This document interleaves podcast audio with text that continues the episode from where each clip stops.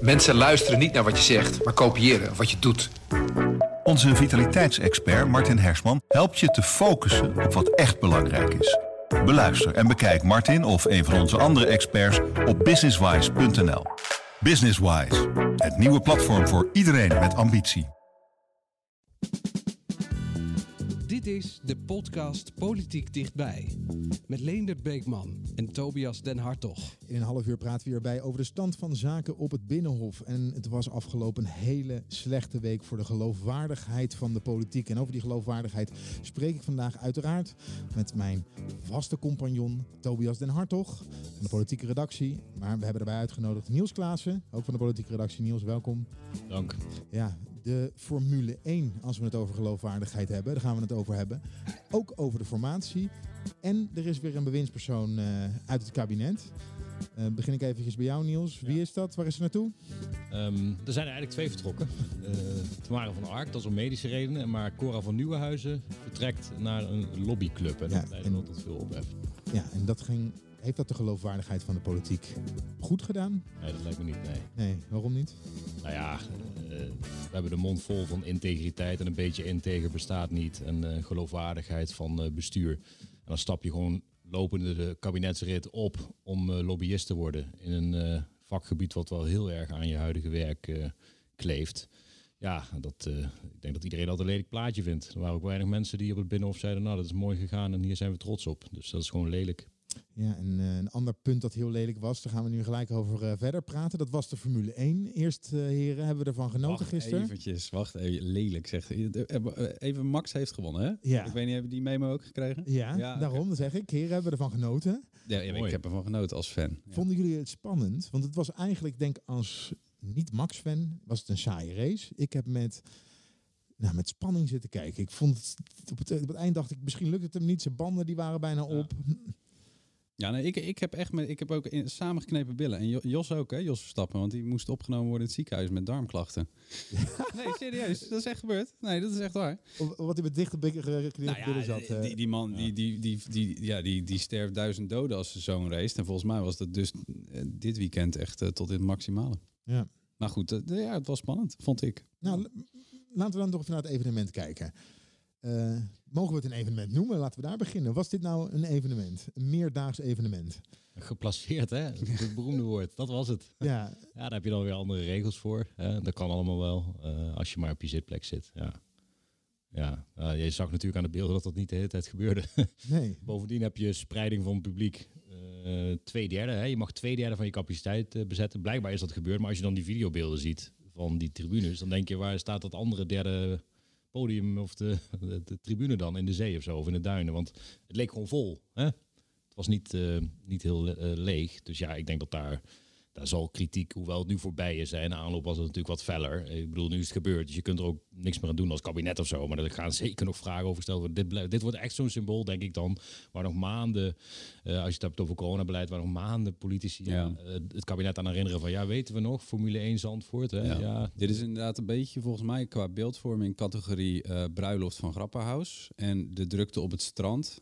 Ja, dat ene, het ene mooie weekend waarbij het kabinet ja. toch zei blijf nog thuis, maar mensen gingen, gingen de hoort op. Dit is natuurlijk ja, in de beeldvorming. Dit, is een soort, dit kan een soort symbool worden van uh, hoe, het, uh, hoe het kabinet met twee maten meet. Want ja, daar lijkt het dan toch wel op. Zullen we eens kijken wat Hugo de Jonge daar zelf voor het weekend over zei? Ik zie wel dat dat schuurt, dat die praktijk schuurt met wat de regel is. Dus ik heb ook tegen de evenementensector gezegd, nou daar moeten we inderdaad naar kijken voor de volgende besluitvorming. Dat zie ik. Laat onverlet dat de regels op dit moment echt voor alle sectoren gelijk zijn. Ik denk dat dat belangrijk is om dat ook te zeggen. Nou, boeren die waren vrijdag al naar het circuit Zandvoort toegegaan. Wat trouwens vrij makkelijk ging, want ze zijn gewoon over het strand gereden naar de hoofdingang van het, uh, van het circuit. Zij wel. ja, en uh, ze stonden daar voor de deur. Uh, waarom ze dat deden en over het meten met, hè, want Hugo de Jonge zegt het schuurt. Dat, dat zagen de, buren, de boeren toch anders. We vinden dat er met twee maten gemeten wordt. Formule 1 kunnen gewoon, waar is het, 70.000 bezoekers komen. Een evenement gaat gewoon door, niks aan de hand. En als iemand anders een evenement wil organiseren van 1700 mensen, dan kan er gewoon helemaal niks. En daar hebben wij behoorlijke moeite mee, met dat verschil van twee maten. Laten wij hier ook even die discussie gewoon voeren. Is er met twee maten gemeten? Ja, maar Ja. gelijk even dan over dit fragment ja. met die boer. Ja, d- sorry hoor, maar dat, die boer die is dus over het strand aangereden. En het over meten met twee maten. Ga jij eens over het strand aanrijden naar Zandvoort? Dan staat er een agent bij je. Ik bedoel, die boeren met die protesten, die legden het halve eh, land lam. En volgens mij is er geen boete uitgedeeld. Die gingen op Malieveld staan waar dat niet was toegegaan, waar geen vergunning voor was afgegeven enzovoort aangemeld. Eh, dit gebeurt natuurlijk voortdurend. Dit is, het is ook pragmatisme. En eh, dit pakt voor het kabinet lelijk uit. En voor de evenementensector doet dit pijn. En dat, doe ik helemaal niks aan af. Want eh, wa- wat ik zeg, volgens mij is dit meten met twee maten. Maar het is ook ja, een staaltje pragmatisme van bestuur. Ik, ik bedoel, de evenementensector is best eh, mondig en best fel. Maar het is niet, het is niet zo massaal als bijvoorbeeld eh Eredivisie voetbal, Formule 1. Dan heb je het over aantallen mensen die je echt niet tegen je in het harnas wil hebben. En volgens mij is dat, speelt dat een rol. Het zou misschien niet mogen. Maar ja, volgens mij is dat wel een klein beetje hoe, hoe de wereld werkt. Nou ja, de jongen zag dat het schuurde. Het schuurde daar inderdaad, want mensen konden niet langs elkaar zonder elkaar aan te raken. Dus het was één grote schuurpartij daar in die straat. Zij hebben zich daar denk ik ook wel op verkeken. Want ik denk, zij hebben natuurlijk gewoon heel kil, maar dat is weer Haagse theorie. Gewoon gedacht, oké, ze hebben tribunes, daar zitten mensen. Er zal vast wel wat verkeer zijn, maar als ze dat nou goed met tijdslots en zo, ik bedoel zo, hè, dat kan best hoor, dat je daar verkeer- Maar dit zijn natuurlijk dramatische beelden, als je je altijd ook kunnen bedenken. Maar dat dramatische beeld, als je die dromme mensen, dan denk je, oh jee, het leek soms kort Koningsdag, pre-corona, weet je wel, in het oranje, een feest. Ja, en dan vergt het heel veel politieke moed om op vrijdag, als je die eerste beelden te zien, daar zie je dat gehakkel eh, van de jongen ook. Dan vergt het wel heel veel politieke moed en dat durven ze niet aan, zeker niet bij deze groep, om dan te zeggen op zaterdag, nou jongens, veeg nog maar een derde van het eh, publiek leeg.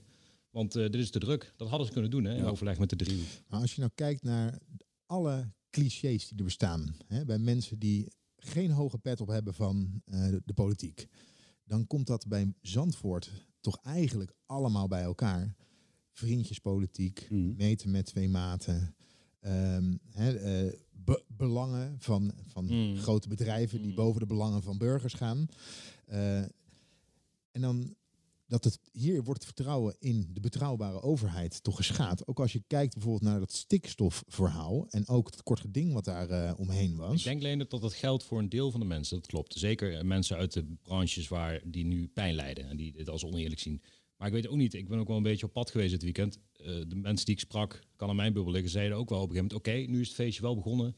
Laten we hier ook van genieten. Prachtige beelden, kippenvel. We hebben ook genoten toen we keken. Mhm. Dat sentiment Zeker. heb je als kabinet ook te wegen. Dus nou ja, eh, ik geef het maar mee. Het is meten met twee maten, maar wel wel over voor ogen, vrees ik. Dus eh, ze zullen daar ook, daar ook rekening mee houden. Dat heel veel mensen juist hiervan genieten. Maar jullie hebben dat al jaren dat jullie als politiek verslaggevers aangesproken worden door vrienden, kennissen, hè, en mensen die je vertellen Mhm. wat je baan is. eh, en nou, niet geheel tot verantwoording, maar wel eens eh, tot verantwoording geroepen Mhm. wordt. Zo van hè, die Haagse politici en eh, hoe zit dat nou? En dat is toch ook allemaal eh gaaiers wat daar in, in Den Haag zakken aan het vullen is.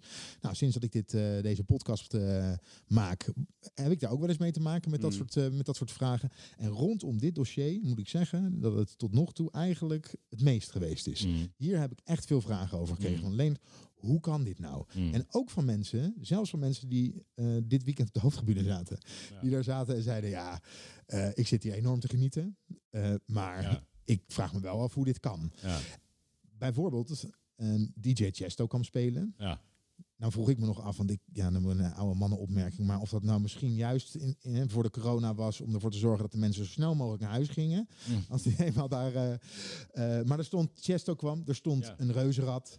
Ja, Eh, dat was een soort van dikke middelvinger naar, eh, naar de rest van Nederland, toch? Ja. Dus zelfs de mensen die daar zaten, Ja. hadden zo hun bedenkingen bij hetgene waar ze, waar ze rondliepen. Ja, maar ik denk dat in principe iemand die een concert geeft of een groot restaurant heeft, echt niet denkt van ik gun het Zandvoort niet. Het is alleen zo, waarom daar wel en wij niet? Dus het is een beetje, dus ik denk ook dat het sentiment bij heel veel mensen is van ja, het is alleen maar prachtig, zien we wel dat het kan, het zal heus geen besmettingshaard worden, maar waarom dan de rest niet? En dat, dat zijn die twee maten. Ja. Nou, omdat dit een grote groep is, omdat dit bijna niet meer te stoppen trein is blijkbaar, en, en voetbal ook, en de anderen niet, ja, daar, daar gaat het kabinet nog lang last van hebben, want dit, dit ja, kun je niet rechtbreien op een maandagochtend. Nog één ding over twee maten. Dit is, eh, eh, jij was stond bij Blokhuis, hè? Eh, begin van het weekend. Dat, eh, Ja, ik hoorde jouw stem daarbij. ja. Jij vroeg ook naar de. Formule 1. Ja. Nou, daar zei hij het volgende over. Ik ga daar niet naartoe, nee. Waarom niet? Nou, daar waar wij tegen pakweg 30.000 mensen zeggen dat ze niet kunnen komen.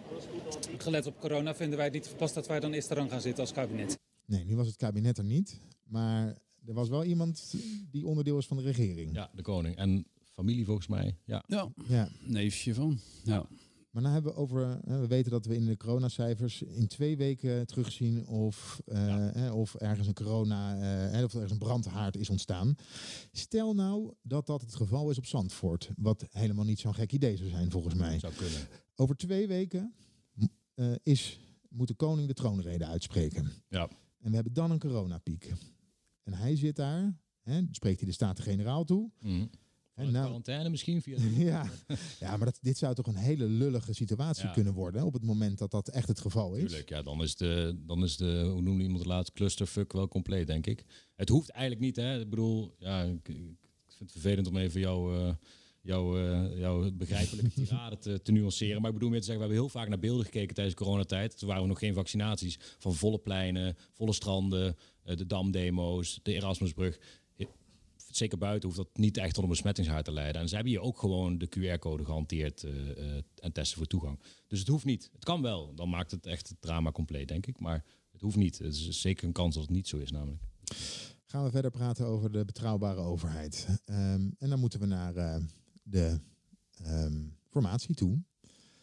Want we zouden een kabinet krijgen, toch? Of vergis ik me daarin? Ik, ik, Ooit. volgens mij is dat nog steeds de Ja. bedoeling. Ja, nee, Ja. In, de, in, de, in de kern is dat nog steeds de bedoeling. Maar eh, sinds vorige week zijn we ja, niet heel veel eh, dichterbij gekomen. Volgens mij is vooral geconstateerd hoe ongelooflijk mislukt het allemaal is. Ja, en dat D. Hamer. Die, eh, het nieuwe- ja, Het feit dat een meerderheidsvariant niet is gelukt, vind ik zorgelijk. Hoe verklaarbaar alle redenen hiervoor ook zijn, opgeteld leidt het tot een situatie die het vertrouwen van de burger in de politiek niet zal vergroten. heeft ze mooi gezegd, hè? Amerikaanse zinnen. Ja. Ja. Fijn hè, Niels, om daar mee te tikken. Dus, dus, dat moet je even voorstellen, zo'n persconferentie begint. Hè. We hebben van- tevoren dan een rapportje gehad van, eh, van Hamer. eh, van ja, dit staat er ongeveer in. Maar dan gaat ze natuurlijk het woord, eh, het woord voeren op zo'n persconferentie. En dan moet je meetikken, in dit geval Niels. En dan, ja, dan komen die stroperige, wel overwogen, mitsen en maren zinnen eruit. Dat is het natuurlijk de hel voor een journalist. Maar goed, dat, eh, dat lukt uit- uiteindelijk wel. Eh, want er zaten wel een paar krachttermen in. Dat zorgelijk. Hè? Eh, dat, dat de partijen meer bezig waren met beeldvorming en risicobeheersing dan, eh, dan zij eh, ge- ja, gewend zou, eh, zou hebben geacht. Ja, dat, dat, dat zijn dan de highlights natuurlijk. Eh, en het zegt alles over hoe het erbij staat op dit moment. Ja, en toen de verkiezingen klaar waren, zeiden zowel Rutte, eigenlijk iedereen zei, dit mag geen lange formatie worden. Want hè, eh, er zijn grote vraagstukken die opgelost moeten worden. Er moet een herstelplan komen voor, eh, eh, voor het land. Nou, die economie die draait toch wel, blijkt. Eh, maar we hebben nog wel andere problemen die... eh, eh, Waar, waar een antwoord op moet komen. De stikstofcrisis, de woningcrisis. Maar het komt er niet op deze manier.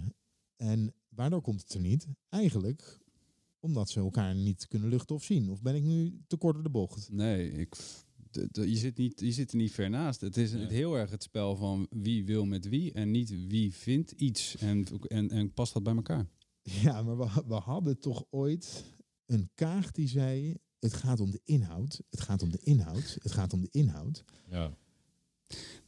Nou, Ja. Niels, jij wees op een zinnetje in het, eh, in het formatiestuk. Hè? Waar- waar- Waarbij, eh, de- volgens mij stond er eh, heel kort door de bocht. Ja, buiten zeiden ze de hele tijd: het gaat, het gaat niet over de personen, maar over de inhoud. Maar binnen ging het er eigenlijk nauwelijks over. Het ging er meer over wat ze over elkaar hadden gezegd in de media en zo. Ja. Dus dat, die, die, die, die loze quotes die wij steeds hebben staan ophalen bij dat touwtje daar voor de deur. Ja, die, die, die gingen helemaal nergens over. Dat was ook nog eens een beetje gelogen eigenlijk. En wat zei Hamer over de inhoud tijdens de persconferentie? Inhoudelijk leken er weinig onoverkomelijke belemmeringen die een start van de onderhandelingen over een meerderheidscoalitie in de weg zouden staan. Dus inhoudelijk... Ja, Ja, wat ze eigenlijk zegt is, joh, deze zes zijn het grosso modo eens over heel veel dingen of kunnen dat wel worden. Dat, heb, dat blijkt al maanden uit hun programma's, uit wat ze tegen mij zeggen, uit wat ze samen opschrijven, VVD en D66. Maar, en dan komt het schoolplein Binnenhof weer om de hoek kijken, eh, die mot die niet, die vindt die niet aardig, die heeft nog een appeltje te schillen met hem, zij vindt, is nog steeds boos over dit debat. Nou, Nou, laten we het nog eventjes één keer op een rijtje zetten. Want ja. eh, VVD en D66 hebben een aanzet tot een regeerakkoord geschreven. Ja, tot een opzet voor een tot- Ja, een opzet, ja. ja. er hoort nog een zinnetje bij. Ja. Daar kon eigenlijk, eh konden GroenLinks en Partij van de Arbeid konden zich daar wel in vinden. Die gingen gezamenlijk gingen ze optreden, omdat ze dan dachten, dan mogen we misschien als linksblok wel aansluiten bij VVD, D66 en het CDA. Dan hebben we een meerderheid. Want D66 heeft al laten weten dat ze niet met de ChristenUnie verder willen. Nou, wat blijkt? Het linkse blok is net zo hard een linksblok als ze samenwerken. Dus de rechterkant wil dat eigenlijk niet. Dus lees VVD, CDA. En D66 gaat voet bij stuk en zeggen, samen met de ChristenUnie, die het ook niet zo ziet zitten om het met D66 te doen, wij willen ook niet met elkaar. Wat blijft over? VVD, D66 eh, en CDA. Maar de D66-leden bleek dit weekend, die zien het eigenlijk helemaal niet zitten om met CDA verder te gaan. Dus nu houden we eigenlijk alleen VVD en CDA over. Ja, nou ja, Eh, ja, een van de opties, maar... Ja, en D66 zou moeten afwegen. eh, luisteren we naar de, deze peiling van de leden? Of kijken we ook naar wat onze stemmers, want daar zit een verschil, hè? Wat onze stemmers eh, voor opdracht hebben meegegeven aan Kaag. Ik vind dat ze eh, bij D66, eh, dat is allemaal nog achter de scherm, want Kaag heeft zich daar nog niet echt over uitgelaten. Maar ja, trekken ze wel heel erg de kaart van, nou, dan gaan we toch in de oppositie als het allemaal zo moet. En eh, we gaan niet met een rechtsclubje. En dat is, dat, die oppositie Ja, is voor zekerheid zien ze de VVD, de achterban ziet de VVD ook niet zitten. Gewoon een minderheidskabinet zien ze niet zitten. Nee, nee, dat zou kunnen, ja. Maar Ja. dat is, bij, bij- bij, bij, bij D66 doen ze nu heel erg alsof ze dan... Dan is de oppositie, oppositie net zo goed. Maar ik... ik, ik eh, ja, misschien verkijk, ver- eh, verkijk ik me erop. Maar het lijkt me dat D66 ook rekening heeft te houden met die verkiezingswinst van Kaag. Die volgens mij ook gewoon voortkwam uit stemmen. eh, ter, ter linkerzijde van mensen die, die, die wilden dat Kaag zou gaan regeren. Nieuw leiderschap, dat was de leus. Ja, die kun je moeilijk vanuit de oppositie waarmaken. Dat lijkt me heel ingewikkeld, ja. Ingewikkeld voor zo'n partij. Ja. Plus D66, CDA, VVD, daar zit eh, de pijn die Hamer ook hier neerlegt. De, de, de mensen die op die partijen hebben gestemd, die stemden voor redelijk bestuur. Hè. We, we zaten in de eh, coronacrisis, het moest gehandeld worden. Die wilden gewoon betrouwbaar bestuur, samenwerking, Nederlands poldermodel, overleg en kom eruit. Ja, ze leveren niet. Allemaal niet. VVD niet, CDA niet, D66 niet. Ze leveren niet dat wat de opdracht van de kiezer volgens mij is geweest. En dat, ja, dat, dat, dat schaadt het vertrouwen in de politiek. Behoorlijk, denk ik. Ja. Ja, maar vooral dus om nog een- dat het inhoudelijk zou moeten lukken. In ieder geval volgens Hamer. Ja. En volgens mij, ik heb ook het idee dat eh, veel, of dat, dat de partijen zelf, hè, die aan tafel hebben gezeten, daar ook wel het over eens zijn dat, dat het inhoudelijk op grote lijnen wel zou moeten lukken. Ja, zeker. Maar de ene kant wil niet met een linkerflank. En de andere, op, op, op medisch-ethische kwesties kunnen ze elkaar niet vinden. Ja, Eh, nou, en ze, en ze, worden, de- ze houden zichzelf in de greep met de angst voor de volgende verkiezingen. De, dus bang om afgestraft te worden als je met een, link, een linkse partij in zee gaat. Of ba- bang om afgestraft te worden als je met een rechtse partij in zee gaat. Ze zijn heel erg bezig op een of andere manier. Misschien door de hele tamme campagne die we hebben gehad. Of het feit dat dit een soort tussenkabinet is. Misschien in, hè, in oorlogstijd, zeg maar. In corona-oorlogstijd. Misschien dat ze, dat ze daardoor angst hebben voor die volgende verkiezingen. Maar ze zijn allemaal bang om afgestraft te worden. Ja, en tot die tijd bewegen ze niet. Ik vrees alleen wel dat, en daar wees Hamer ook een beetje op, ja, je kan bang zijn voor de volgende afstraffing, maar je bent eigenlijk al je, je nederlaag aan het eh, organiseren op het moment dat je laat zien dat je niet voor eh, betrouwbaar bestuur kan zorgen. Ja, sowieso. Maar ook die, die ronkende... Ze hebben dan een basisstuk geschreven, VVD en D66. Daar wil ik dadelijk graag één zinnetje uit citeren, als ik mag. Ja, natuurlijk. De soort Kom maar op. eh, curieuze formuleringen. Dat doen we straks. Maar wat ze daar aan het eind doen, zo'n ronkende tekst. Hè. Wij staan voor een open, optimistische, respectvolle politiek met iedereen die samen wil werken. Dat zijn dan weer die obligate teksten die je misschien in campagnetijd, in crisistijd, serieus neemt als kiezer. Dus dan zeg je, oh ja, nee, inderdaad, oh, iedereen wil een stabiel middenbestuur. Het is crisistijd, Rutte, Hoekstra, Kaag. En hoe voel je je dan? Nou, zes maanden later bijna, het is het traagste formatie ooit. Dan, ik vind dan niet dat je dit met droge ogen kunt blijven beweren. Dan moet je gewoon zo nederig zijn en zeggen, joh, we hebben hier echt een heel di- dit hebben we gewoon verklooid. Laat Remkes het opnieuw doen. En die teksten van ons kun je even vergeten. En we gaan gewoon even aan de bak, weet je wel. Want dit, Ja, dit want de volgende, je noemt hem, de volgende stap is, Hamer heeft nu hè, eindrapport geschreven. Eh, dinsdag is er een debat in de Kamer en daar wordt Remkes, Johan Remkes van de VVD, eh 70 jaar ondertussen, nu is die in eh, Limburg. En dan noemen ze hem geen commissaris van de Koning, maar gouverneur, hè, noemen ze hem daar. Ja. Ja, gouverneur. Ehm, maar die moet het eigenlijk eh, het minderheidskabinet gaan Ja. realiseren dan. Maar ja, dat, is, dat wordt net zo lastig. Ik bedoel, als je nu alweer die blokkades... Nou goed, we zullen zien wat, wat voor tovenaar Remkes eh, zou moeten kunnen worden. Maar als je de combinaties nu ziet die Hamer dan voorstelt... dus die drie partijen, VVD, D66, CDA... of een combinatie daarvan... dan zie je nu alweer die onderlinge blokkades. Dus dat D66 eigenlijk zegt, nou ja, eh, dan maar niet met ons. En eh, CDA en VVD dan zeggen, ja, maar niet onder alle voorwaarden. Dat, dan krijg je eigenlijk hetzelfde spel tussen aanhalingstekens... wat je de afgelopen maanden hebt gezien. Dus ik weet niet... Nou ja, hij, moet, een- hij moet een wonderdokter gaan worden. Ja, zoiets. Hij moet een list verzinnen, denk Ehm, ik. eh, jullie hadden dus een staat van dienst eh, in de krant gezet. Hij is natuurlijk oud-minister van Binnenlandse Zaken. Mhm. Hij heeft bij de provincie Noord-Holland gezeten. En daar heeft hij het voor elkaar gekregen om een bestuurscrisis te, eh, tot, nou ja, tot in ieder geval een, een rustige bestuur weer te creëren. Toen heeft hij, nadat Krikke uit Den Haag als burgemeester met veel commotie moest vertrekken, is hij burgemeester van Den Haag geworden. Hè, waarnemend burgemeester van Den Haag. En nu zit hij in Limburg, waar ook eh, de nodige problemen waren. En daar heeft hij dus, ehm, daar leidt hij een provinciale staten met een, eh, eh, een minderheid. Dus Ja, nou dan hebben ze daar dus weer een exotischer variant van een minderheidsbestuur geïnstalleerd, namelijk een extra parlementair bestuur. Die dus wel, de bestuurders zijn niet gelieerd aan fracties. Dus die hebben, dus hebben gewoon bestuurders aangewezen die samen programma's schrijven van allerhande partijen. En daar, daarvan hebben zij dan onderling gezegd, die zeven of acht provinciebestuurders, dit gaan we uitvoeren. En dan hebben ze niet automatische steun van die mensen in provinciale staten. Dus als je dat met ons binnenhof vergelijkt, en trouwens, eh Henk Kamp heeft het ook gesuggereerd, van doe dat hier ook. Dan zou je dus bij wijze van spreken acht verschillende partijen gewoon een heel groot feestje kunnen organiseren. Je krijgt allemaal ministers, van GroenLinks tot bij wijze van spreken PVV of Forum. Dat was in Limburg ook zo de vorige keer. Die gaan gewoon een bestuursakkoord schrijven en gaan dan naar de Kamer. Nou, dat is weer een variant op de minderheid. En, Remkes had al in een rapport in 2018 hè, over Ja. de vernieuwing van eh, de, de politiek had hij gezegd, we moeten eens kijken naar, serieus kijken naar de optie van een minderheidskabinet. Maar eigenlijk wat jij nu zegt, dat is 100 jaar terug de tijd in. Ja. Eh, een kabinet neerzetten eh, dat puur bestuurders heeft. Ja. En regeren vanuit de Kamer. Eigenlijk hè, wat, eh, eh, wat de, eh, de, de afgelopen eeuw omgedraaid is. Mhm. Waarin vroeger de Kamer echt de, wetgevende, de wetgever was. Hè, dat de, de wetsvoorstellen kwamen vanuit de Kamer en moesten uitgevoerd worden door het kabinet. Ja. Nu is dat toch meer dat de wetsvoorstellen vanuit het kabinet en vanuit ministeries komen en goedgekeurd moeten worden door de Kamer. Mhm. Zouden we dan weer terug moeten naar een, een systeem waarin we het weer net zo deden als heel, heel vroeger? Nou ja, ik denk dat je vooral een bestuur eh, nodig hebt dat gewoon kan regeren zoals het moet na zo'n crisis. Dus alles wat daarbij werkt, ja, ik was er toen niet bij. Eh, als het werkt, werkt het, ja.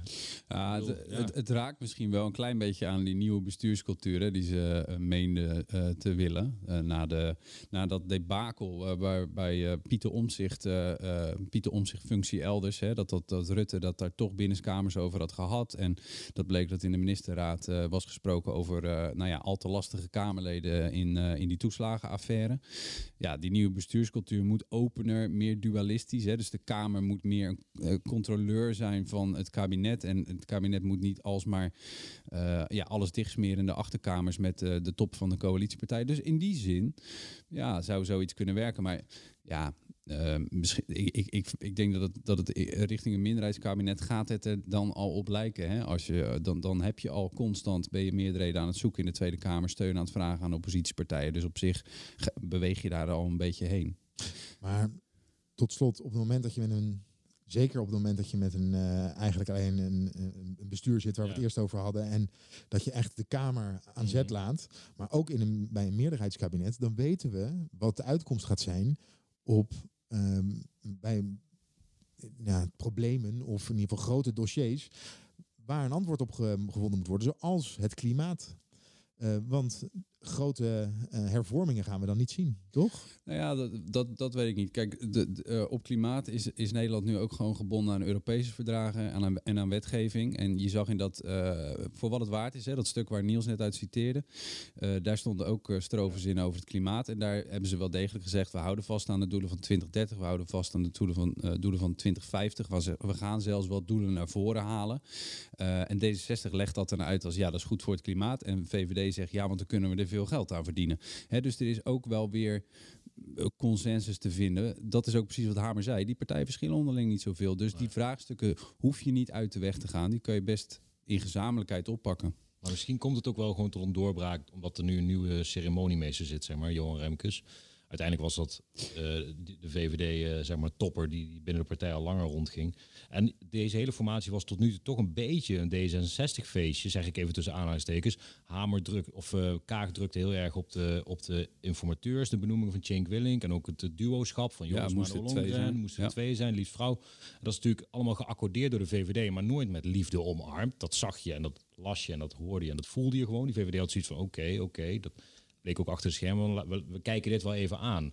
Ja, je zou zomaar kunnen voorstellen dat nu Remkes zelf naar voren schuiven en deze 60 de handen eraf trekt, dat het ineens een, een heel soepele. Ja, nou ja, ja kijk, Remkes, ja, Remkes is denk ik geen wonderdokter. Hè? Want ik bedoel, je kan zijn cv lichten, maar het is niet zo dat hij een onuitwisbare indruk heeft gemaakt als minister van Binnenlandse Zaken hoor. Ik, ik, ik daag je uit om uh, drie uh, belangrijke beleidspunten van hem uh, op te dissen. Nou, ik, ik kom nog niet tot ik één. Nee te schudden. Ja. Nee, precies. Dus het is niet zo dat, hij, dat alles wat die man aanraakt verandert in goud. Maar ik denk wel, dat is misschien wel, hij is een beetje hoekige man. Ik denk dat hij vooral binnenkomt en op zo'n horloge wijst en zegt: Lieve jongens en meisjes, we zitten op 170 plus dagen. Gaan we nu eens eventjes wat doen? Want ja, uh, dit kan, we kunnen nog heel lang om elkaar heen draaien, maar het is, het is het een of het ander. Uh, ik denk dat hij dat vooral gaat doen. Ik denk dat hij binnenkomt en wijst op zijn horloge en zegt: Het is tijd. Um, zou er nog één citaat van jou krijgen, Niels? Nou ja, over dat je hebt van die cursussen journalisten volgens ook wel eens over uh, helder schrijven, compact schrijven. Maar ik heb ook het idee dat de geheime cursussen Haags schrijven zijn. Als je dan een stuk van VVD en D66 leest over de kinderopvang. Die zou dan gratis moeten worden. Oh ja. Misschien werken we naartoe. Kinderopvang hè, wordt nu toeslag uitgekeerd aan, aan mensen die wat minder geld hebben. En het hele systeem moet eigenlijk op de schop. Ja, dan schrijven ze in van die passages. We verhogen de vergoeding van kinder, voor kinderopvang fors, zodat deze, deze bijna geheel vergoed wordt, zonder limiet aan het aantal te gebruiken uren. Oké, okay, dat is een lange zin. We maken hem ook stapsgewijs toegankelijk voor alle kinderen, maar dan weer komma, afhankelijk van de beschikbaarheid van voldoende goed opgeleide medewerkers. Maar weer zo'n voorwaarde ding. Dus we bezien op basis van gedragseffecten de ambitie om de vergoeding te verhogen naar 100%. Allemaal voorwaardelijke, wollige zinnen, omdat ze er waarschijnlijk niet zo helder uitkwamen van we doen het gratis, iedereen deal, want dat is één zin. Maar er zit er weer een haakje van de VVD in. Van ja, maar alleen als er genoeg medewerkers zijn. Of alleen als de gedragseffecten goed uit. En daar, daar staat dat stuk. Als het niet te duur wordt. Ja, ja want dat is VVD's, uh, het, het, bezwaar van de VVD steeds geweest. Het is te duur. Ja, nee, het is een. Dus dat, en daar staat zo'n stuk bol van. Ja, goed, dat, dat is nou eenmaal de werkelijkheid in Den Haag. Maar voor Hamer betekent dat ook van: oké, okay, jullie hebben dit al kunnen presteren. Jullie kunnen hier uitkomen. Ja. Dat is bijna de wanhoop die je bij haar hoorde. Precies. Het is eigenlijk een voorbeeld van hoe het dus wel kan of had gekund. Ja. We gaan dus richting een uh, minderheidskabinet. En er was één iemand in Nederland die dat eigenlijk allemaal al had voorzien. Kijk nou eens naar zo'n programma van Op 1. Zo'n drie of vier maanden geleden dat ik zei dat ze met een minderheidskabinet moeten gaan beginnen. Dat kan je terugvinden. Uh, dat ik dat gezegd heb. Ja, het wordt alleen maar bevestigd. Ja, Louis van Gaal, ja. Oh, ja. Wonderlijk, je hoort op de achtergrond, je hoort geen enkel, uh, je hoort geen journalisten lachen. Of, nee. oh, hey, je hoort niks. Ja. Zo'n kabinet nou 4-4-3 staan op zo'n bordes? Nee, oh, oh, daar ga je al. Louis van Gaal heeft het over 1-4-3-3. Oh, de keeper telt nee, altijd mee bij ja, nee. Ja, ja, ja, ja heb ik al gezegd. Heb ik al gezegd, die op 1, 100 jaar geleden. Ja. En volgens mij kunnen ze om dit soort dingen alleen maar lachen uh, aan de tafel van uh, Veronica Inside. En, uh, ja, maar goed, onze jongens zitten daar ook bij. Hè? Maarten Wijfels, uh, Short Massour, die zitten daar ook bij. Die, die, die, die kunnen toch moeilijk met...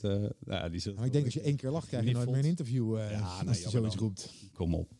dan wil ik het alleen nog even, Niels Klaassen, met jou denk ik vooral ja. hebben over vaccinatiedwang. Drang. Vaccinatiedrang, vaccinatieplicht. Laten we eerst eens eventjes uh, luisteren wat onze eigen Hugo de Jonge daarover te zeggen heeft. Want volgens hem is er in ieder geval geen plicht. Ik ben niet voor een vaccinatieplicht. Hè? Daar ben ik niet voor. Ik ben wel voor het indringende gesprek dat we met elkaar zullen moeten voeren dit najaar over uh, vaccinatie. Ja, een discussie. Ik hoorde vandaag een bijdrage op Radio 1. Uh, want Duitsland is al begonnen met uh, nou, het verplicht stellen op heel veel plekken, waaronder kroegen, om je uh, ofwel je vaccinatiebewijs ja. te laten zien, of het feit dat je al een keer corona gehad hebt. Ja. Kortom, iedereen die principiële bezwaren test, ja. als je er allemaal bezwaren tegen hebt, wordt je leven flink beperkt. Ja. Ja. Maar is dat nou dwang of is dat nou geen dwang? Nou hebben we de vaste luisteraars weten wel ongeveer hoe ik daarin sta.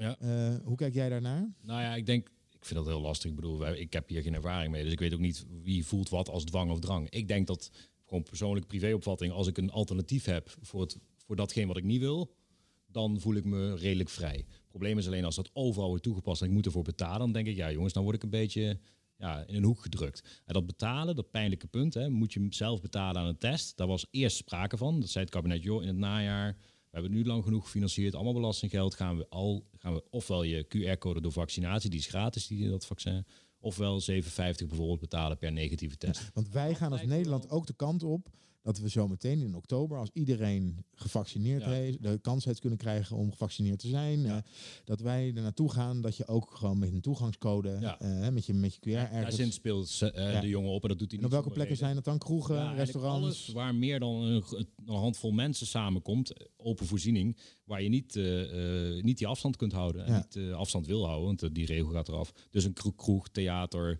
ja, niet een museum, want dat is een, dan is een locatie waar je in beweging bent. Een dierentuin ook niet, weet je wel. Dan zit je niet op Mhm. een kluitje, eh, dan loop je, doorstroom.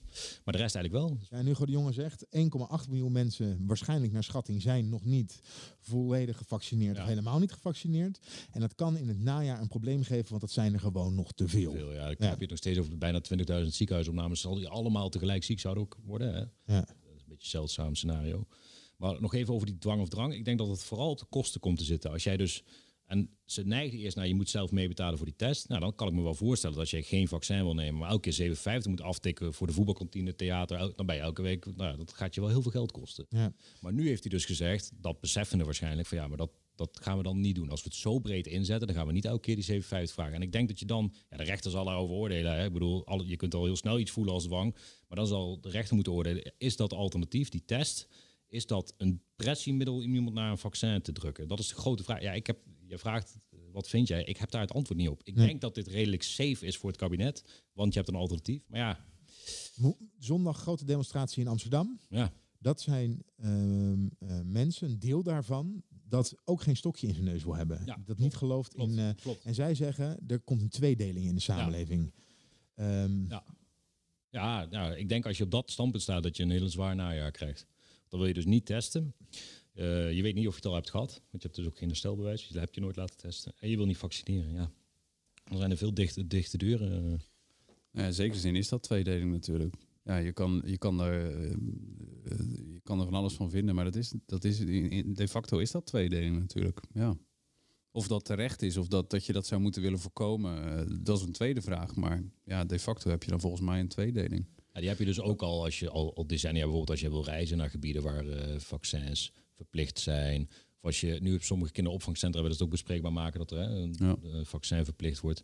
Ja, volgens mij in zorginstellingen is het ook ofwel gevaccineerd of niet met patiëntcontact en zo. Het is ook infectieziektebestrijding. Dus het is niet alleen maar zeg maar recht op. Er zijn verschillende rechten en plichten die hier samenkomen en die ook al langer spelen. Dus eh, het kabinet vindt dit heel brandbaar, want anders had zeker de jongen al lang een richtinggevende uitspraak hierover gedaan. Bijvoorbeeld in de zin van ik vind dit de grens en hier niet. Maar hij is ook een beetje aan het schuiven en advies aan experts vragen. En dan komt leaseplan en dan doet hij geen uitspraak, snap je? Dus het is echt onontgonnen terrein waar ze stapje voor stapje ja, op glibberen, zeg maar. Dus, ja. Zonder de hele discussie nog een keer over te doen. Maar Marcia, onze collega, eh, die over eh, zorg schrijft, die had ook eh, een stuk, die is zondag eh, online gekomen, over zorgpersoneel aan het bed dat niet gevaccineerd is.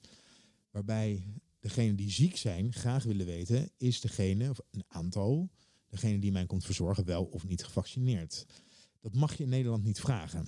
En daar is ook ophef over. Hè, mensen in de zorg die dat niet willen vertellen. Maar dan kom ik op een punt dat ik denk van ja, ze willen eigenlijk alles. Ze willen niet gevaccineerd worden. Ze willen misschien geen test doen. Ze willen wel overal naar binnen. Mensen mogen ook niet weten hè, voor hun eigen gezondheid of ze wel of niet gevaccineerd zijn. Ja, vrijheid betekent, en dan we onze vaste discussie, niet alleen vrijheid voor jezelf. Je moet ook de vrijheid aan iemand anders laten om te bepalen. Als jij niet gevaccineerd bent en ik ben ernstig ziek, vind ik het niet prettig om door jou eh, verzorgd te worden. Dat is de vrijheid van iemand anders. Maar ik denk dat dat... Ja, Ik zie Tobias weer. Kom maar Tobias. Maar in de zorg werken, vind- ik vind het wat anders als je het hebt over... eh, mag ik naar een museum of zo? Maar ik vind in de zorg... In principe werk je in de zorg om mensen beter te maken. En in ieder geval niet zieker. Dus als jij weet dat je potentieel asymptomatisch draagt, denk ik dat je ook zelf je conclusies trekt. Dus ik denk dat dat goede zorg is. Ja, en als Ja. dat een grote groep wordt, dan moet je daar regels voor gaan opstellen. Maar je mag hopen, slash verwachten, dat dat bij goede zorg hoort. Dat je niet willens en wetens mensen in gevaar brengt. Dus op de, op de kwetsbaarste afdelingen werkt en denkt van, nou ja, ik ben eh, de hele week gaan feesten, ja, maar ik doe niet aan testen. Maar misschien dat iemand die, eh, eh, die ziek is ook wel naar de bioscoop wil. En dat niet kan Mhm. op het moment dat dat niet geheel veilig is. Ja. Hè, als je een, Nee, precies. Ja. Ja. Nou goed, deze discussie moeten we niet nog een keer. Nou ja, nee, maar, dit, eh, dit, ja. dit- maar dit is precies. De, eh, kijk, wa- waar wij nu stoppen, daar begint het werk van de jongen. Dus wij, wij zeggen, dit, zijn, dit zijn de standpunten en de groepen. Ja, en ga nu maar beleid maken. Da- daarom heb ik enigszins begrip voor. Ehm, eh, het geschipper, zeg maar, rond die vaccinatiedwang en drang van hem. Hij ziet natuurlijk enerzijds, dat is, dat, dat, daar, en daar leunt hij ste- stevig op, is dat landen waar vaccinatiedrang wordt toegepakt, eh, toegepast, die hebben lagere eh, vaccinatiecijfers dan wij. Die halen de vaccinatiegraad bij lange na niet die wij hebben. We gaan richting 85% volledig gevaccineerd. Dus, dus hij weet, ik moet daar niet te veel druk op zetten, terwijl ik het wel zou willen. Dan ziet hij ook dat eh, eh, mensen, eh, die groep die helemaal niks wil, ja, daar kan die niet zo heel erg veel mee, want die verzetten zich vooral. En dan heb je daartussen heb je die dilemma's zoals leaseplan. Moet een werkgever mensen toestaan die niet gevaccineerd zijn? Of moet je iemand aan het bed kunnen krijgen waarvan je niet weet of die gevaccineerd is? Ja, wat zijn daarbij de risico's? Iemand asymptomatisch ziek is, dat is potentieel gevaarlijk. Aan de andere kant, mensen die gevaccineerd zijn, geven het virus ook door. Ja, waar wij nu stoppen met die discussie met ik vind dit en ik vind dat, is het aan hem en het kabinet om lijnen uit te zetten. En ik snap best dat het, dat het af en toe daar wringt en dat het lastig is om ja, ehm, eh, voor alle partijen daar iets ehm, nou ja, bevredigends uit te halen. Waarbij het een beetje... Ik denk dat dat onmogelijk is bijna, Ja, bijna wel. Ja, nee, Ja. Dat, is, dat is wel zo. Dus in die zin, ja, dat is, het. Hij zit wat dat betreft echt eh, wel in een heel lastig pakket volgens mij. Nog los van alle fouten en wat je allemaal van Hugo de Jonge vindt. Hè? Maar de, de, de bestuurlijke positie van het kabinet in deze is best wel ingewikkeld volgens mij. Afgelopen maandag, eh, we zitten hier trouwens op maandag, was vandaag in de krant. eh, het meest opvallende bericht. De burgemeester van Nunspeet roept, zijn, eh, eh, roept op om te vaccineren, maar heeft het zelf niet gedaan, de SGP-burgemeester. En als ze hem vragen waarom niet, dan zegt hij ja, dat heeft met geloof te maken. En dat is moeilijk uit te leggen. Waarschijnlijk omdat het eh, moeilijk te begrijpen voor mensen. Dus daarom leg ik het niet uit. Daar kwam het ongeveer op neer. Dacht ik van ja, het zal wel niet uit te leggen zijn. misschien dat dat het is. gewonnen, eh, ja. ja, de- maar ja, dinsdag debat in de Tweede Kamer over de voortgang van de formatie. Dan zal Johan Remkes aangewezen worden als eh, de toverdokter die een we- minderheidskabinet eh, tot stand moet gaan brengen. We hè? hebben, bij de volgende podcast staan we op bordes, wedden? ja, dat- nou, het zou toch ik heb gebeuren. gehoord trouwens, ik weet niet of het klopt, hè, maar er is ook een plicht om je te abonneren op deze podcast. Ja, dat klopt. Bij Spotify of bij Apple Podcast. Dankjewel. Niels Klaassen, bedankt dat je hier was. Tobias en Hartog, bedankt dat je hier was. Tot volgende week. We worden dagelijks overladen met overbodige informatie. En het is moeilijk de zin van de onzin te scheiden. Daarom vertrouw ik op echte journalisten in plaats van meningen. Een krantenmens heeft het gemakkelijk. Word ook een krantenmens en lees je favoriete krant nu tot al zes weken gratis. Ga snel naar krant.nl. Bezorging stopt automatisch en op deze actie zijn actievoorwaarden van toepassing.